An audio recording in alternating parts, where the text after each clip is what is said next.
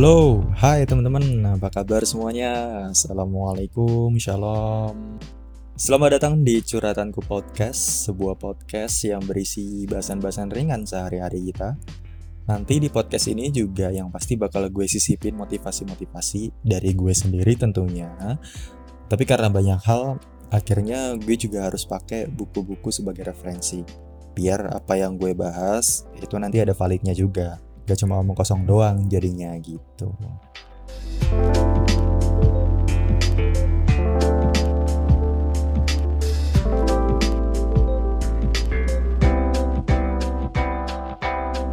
Podcast ini bakal gue awalin dengan sebuah season yang berjudul Like a Friendship. Asik banget nih ngomongin friendship. Karena ada beberapa tujuan dari podcast ini. Salah satunya biar gue bisa kenal teman-teman baru dari podcast ini. Soalnya buat gue kalau punya lebih banyak teman dari berbagai latar belakang yang berbeda itu, itu seru gitu. Secara nggak langsung memperluas sudut pandang gue yang pada akhirnya bakal gue share juga di podcast ini. Jadi siklusnya muter-muter gitu. Gue dapat inspirasi gue share ke teman-teman teman-teman dapat inspirasi teman-teman bagi gue gue dapat inspirasi lagi terus saja muter-muter kayak gitu siklusnya. Seru. Nah sebenarnya banyak orang yang mengartikan teman secara berbeda.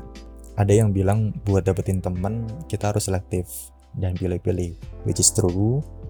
Karena kalau sembarangan memilih teman itu kan kita sembarangan memilih pengaruh yang akan berpengaruh terhadap kepribadian dan hidup kita. Berarti secara nggak langsung kalau kita sembarang milih pengaruh luar, ya kita sembarangan menentukan hidup juga. Benar. Tapi ada juga yang bilang kalau kita harus berteman sama semuanya. Dan gue setuju juga sih. Ada yang bilang juga kalau kita harus nyesuaiin diri sama teman-teman which is true. Karena teman-teman kan beda satu dengan yang lain ya. Teman ini bisa begini teman itu bisa begitu. Jadi beda-beda. Kita harus nyesuaiin diri. Tapi ada juga yang bilang kalau kita harus jadi diri sendiri aja di mana pun dan kapan pun. Which is true juga sih. Gue setuju juga. Banyak lagi lah pokoknya. Orang bilang mendefinisikan teman itu dengan cara yang berbeda. Selain yang gue sebutin tadi. Tapi di episode ini, episode yang menjadi awal dari podcast ini, gue mau ngajak teman-teman untuk mikir dasar dari gimana cara kita nyari teman. Dan dasar itu menurut gue ada di satu pertanyaan, yaitu teman itu siapa sih?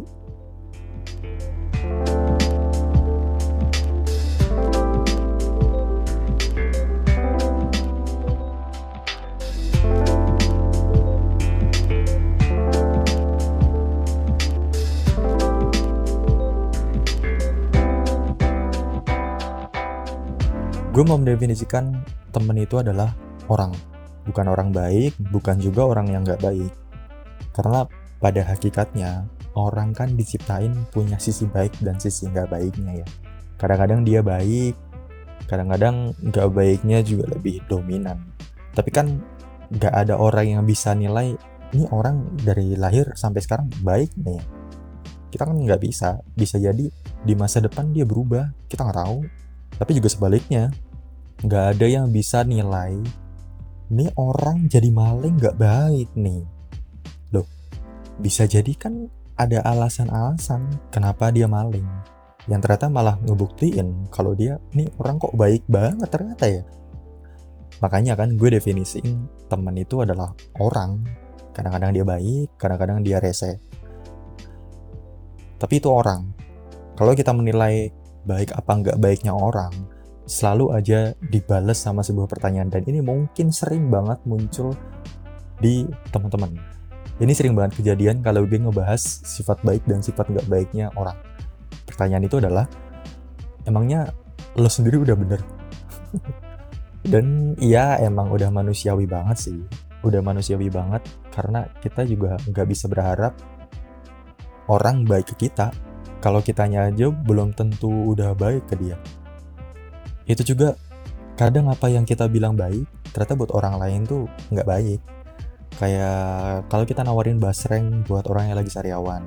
Ini basreng pedes nih. Pedes banget.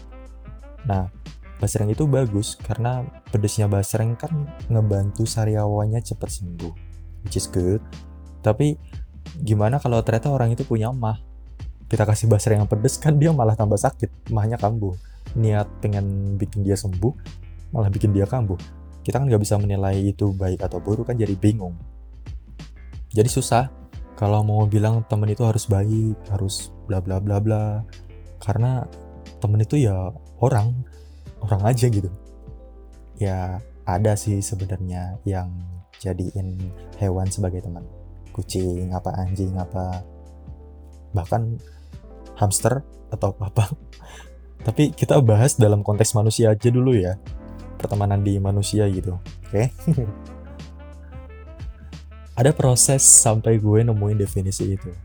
Prosesnya panjang bahkan udah gue mulai dari SD uh, gue orangnya tuh pemerhati gitu ya. Jadi gue suka banget merhatiin lingkungan. Terutama perilaku manusia. Nggak tau kenapa gitu kayak ngelihat karakter orang yang beda-beda kontrasnya tuh menarik buat gue. Apalagi kalau ngelihat orang lagi pada gibah itu bah macam tambang emas nih buat saya. Just gandos lah pokoknya. Jadi dari SD gue udah suka merhatiin lingkungan sekitar gue tapi karena gue bego gue tuh bukan termasuk orang yang suka dipuji. Kecil-kecil cabai rawit ya buns. Bukan guys. Gimana ya? Emang dasarnya gue bego sih. Waktu SD gue nganggap temen itu adalah orang yang mau gue ajak main. Karena waktu itu ya apa yang bisa gue lakuin selain main kan? Gue ngertinya main doang gitu. Mau fokus belajar. Kayaknya cuma 5 dari 40 siswa deh yang mau fokus belajar. Di kelas tuh kayak satu banding 8 orang gitu satunya yang belajar 8 orang yang main dan gue termasuk yang 8 ini nih. Plus gue bego. Sukanya main gitu. Jadi teman adalah orang yang mau gue ajak main. Tapi seiring berjalannya waktu kalau nggak salah tuh mulai kelas 5 apa kelas 4 ya atau lupa pokoknya. Pokoknya akhir-akhir SD lah. Gue jadi kepikiran lagi. Karena kalau di pikiran gue teman adalah orang yang mau gue ajak main waktu itu gue baru sadar ternyata kok ada ya yang nggak mau main sama gue gitu dan yang jadi masalah utama adalah ada satu di antara mereka yang nggak mau gue ajak main yang gue suka waktu SD. Jadi SD gue udah punya doi guys. ya cinta-cinta mangki lah. Habis itu gue jadi kepikiran kan. Nah saking overnya gue kepikiran malah bikin gue jadi pendiam. Alhasil ya malah gue yang nggak bisa diajak main. Kebalik aja gitu putar balik tadinya gue mikir teman adalah orang yang bisa gue ajak main mau gue ajak main. Sekarang gue yang nggak mau diajak main. Jadi gue bukan temen. Karena gue udah nggak mood duluan udah gak mood buat main udah kepikiran itu kan. Jadi udah nggak mood. Akhirnya bisa disimpulkan waktu SD gue nggak punya temen. Di situ gue ngerasain artinya kesendirian kesepian nggak punya temen. Ya seperti anak-anak nolep lain lah. Gak bisa main keluar rumah dia pulang sekolah di rumah ya. Soalnya keluar juga ngapain kan orang gak punya teman setelah gue lulus SD gue pengen jadi orang yang berbeda. Karena dua tahun ngerasain kesepian buat gue itu udah lama banget ya mungkin ada orang yang lebih lama dari gue tapi buat gue pribadi dua tahun tuh lama banget buat gue ngerasain kesendirian. Jadi gue pengen jadi orang beda. Muncullah di otak gue ide pengen jadi orang yang beda. Biar gue bisa ngerasain apa rasanya ketawa sama temen bahagia ketawa ke TV gitu kan jajan bareng jalan-jalan ya gitu lah kayak manusia-manusia normal lah. Dan kenalan lah gue. Gue beranikan diri untuk mulai kenalan sama orang lain. Sama orang baru gitu. Kenalan lah gue sama seorang anak. Nah anak ini sebenarnya anak pindahan sih. Dulu SD-nya di Banjarnegara, Jawa Tengah.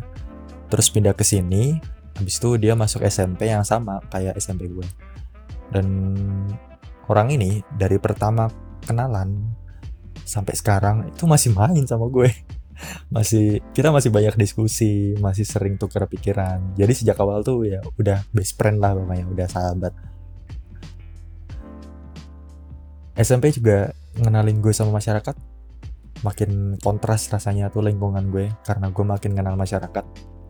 Dan karena gue pubertas waktu itu gue baru banget kenal yang namanya asmara. Wah seru banget nih kalau udah ngomongin asmara. Gue tadi gue bilang waktu SD gue udah suka sama orang. Tapi ya itu masih cinta-cinta monyet lah. Gue masih belum ngerasain manis-manisnya pahit-pahitnya. Kayak masih gue suka sama dia. Udah gitu doang selesai. Jadi entah kenapa waktu SMP tiba-tiba aja gitu muncul di dalam hati di dalam dada. Wes sebuah perasaan yang indah. Wah. Jadi muncul gitu sebuah perasaan yang belum pernah gue rasain sebelumnya. Dan di SMP gara-gara asmara ini gue juga mengenal pengkhianatan. Bahkan gue termasuk orang yang berkhianat waktu itu. Di SMP gue sadar sama hal yang gue bilang di awal tadi. Kalau orang tuh ya orang aja. Kadang-kadang dia baik kadang-kadang dia jahat. Lebih sering resenya sih jujur aja. Tapi satu hal penting yang gue pelajari dari masa SMP adalah nggak ada satupun manusia orang yang bisa gue percaya. Meski pacar pun apalagi guru BK ya kan nggak kenal siapa tiba-tiba udah ngatur kamu nggak boleh ini nggak boleh gitu ya apa? Nggak jelas itu nggak bisa dipercaya nggak ada satupun yang bisa gue percaya guys karena setiap orang itu kan diciptain punya kepentingan masing-masing. Nah, nanti dari sini muncul bibit-bibit bocil-bocil ya kan.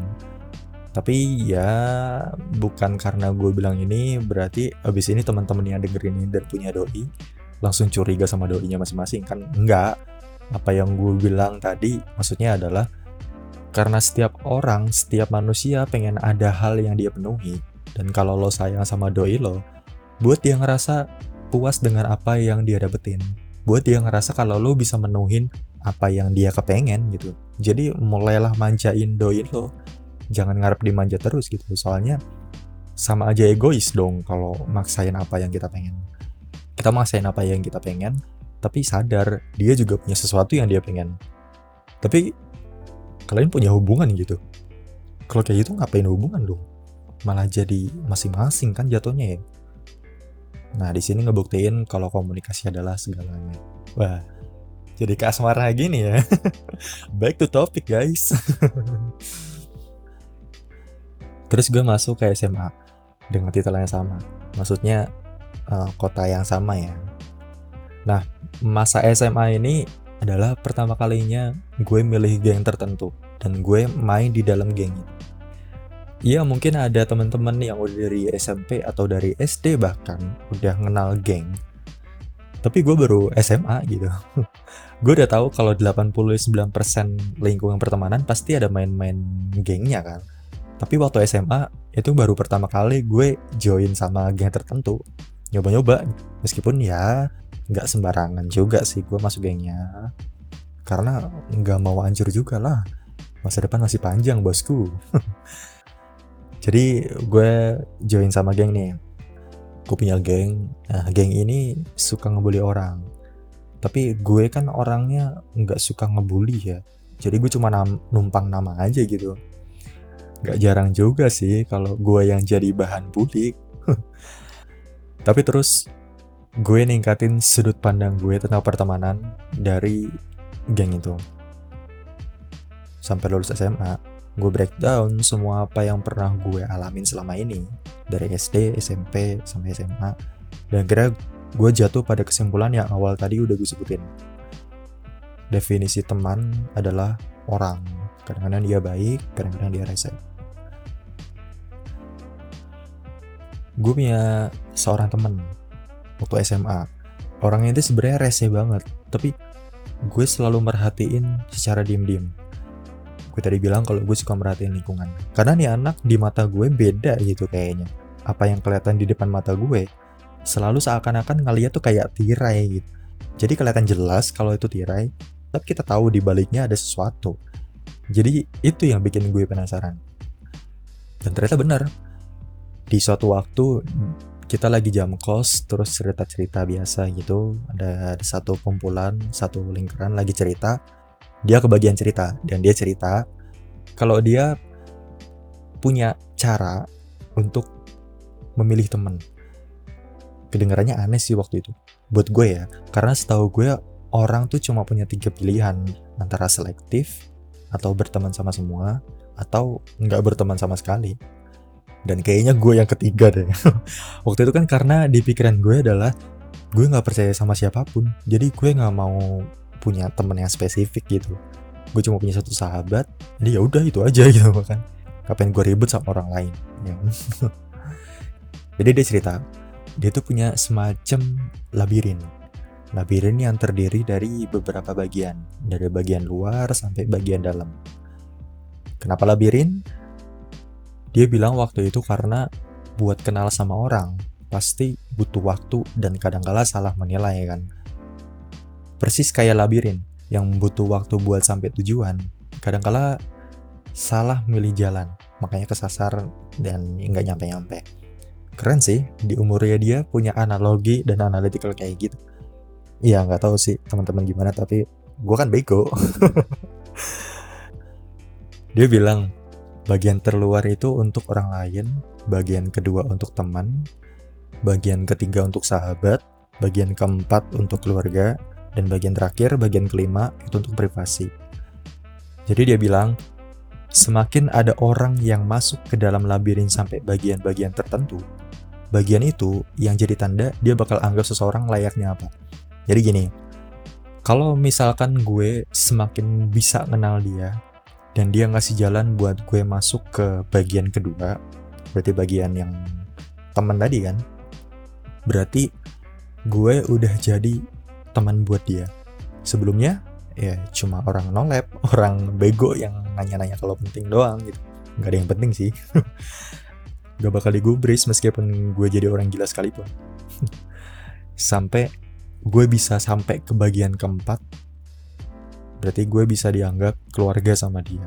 Dan setiap perlakuan dia juga bakal beda di tiap bagiannya. Jadi kalau gue pikir-pikir apa yang dia lakuin apakah dia selektif milih teman yes. Karena pada akhirnya dia juga kan yang bisa ngasih jalan ke bagian-bagian tertentu. Dia yang ngasih petunjuk sama kunci jawaban. Biar seseorang ini bisa kenal dia lebih baik gitu. Akhirnya dia yang nganggap seseorang ini teman atau keluarga atau orang kepercayaan pribadinya. Tadi orang yang bagian yang kelima itu kan privasi, artinya orang yang percaya secara pribadi gitu buat dia. Tapi apakah dia berteman sama semuanya? Iya juga, yes. Iya, tapi dalam konteks terbuka ya. Jadi maksudnya dia tuh terbuka buat semua orang gitu. Karena pada akhirnya dia tahu kalau seleksi yang tadi itu bakal milih secara otomatis siapa yang bisa dia percaya. Jadi kunci yang dia kasih ke teman-teman pas dia ceritain itu di kelas jam kosong itu adalah percaya. Karena sedikit orang yang bisa dikasih kepercayaan. Jadi dia yakin kalau percaya bisa jadi kunci dikasih dikit kepercayaan kan bisa dikhianatin apalagi kalau dikasih banyak kan bahaya. Ya karena orang kan temen kan orang gitu. Kadang-kadang baik kadang-kadang dia nggak baik. Tapi kita bisa milih tingkat kepercayaan ke orang lain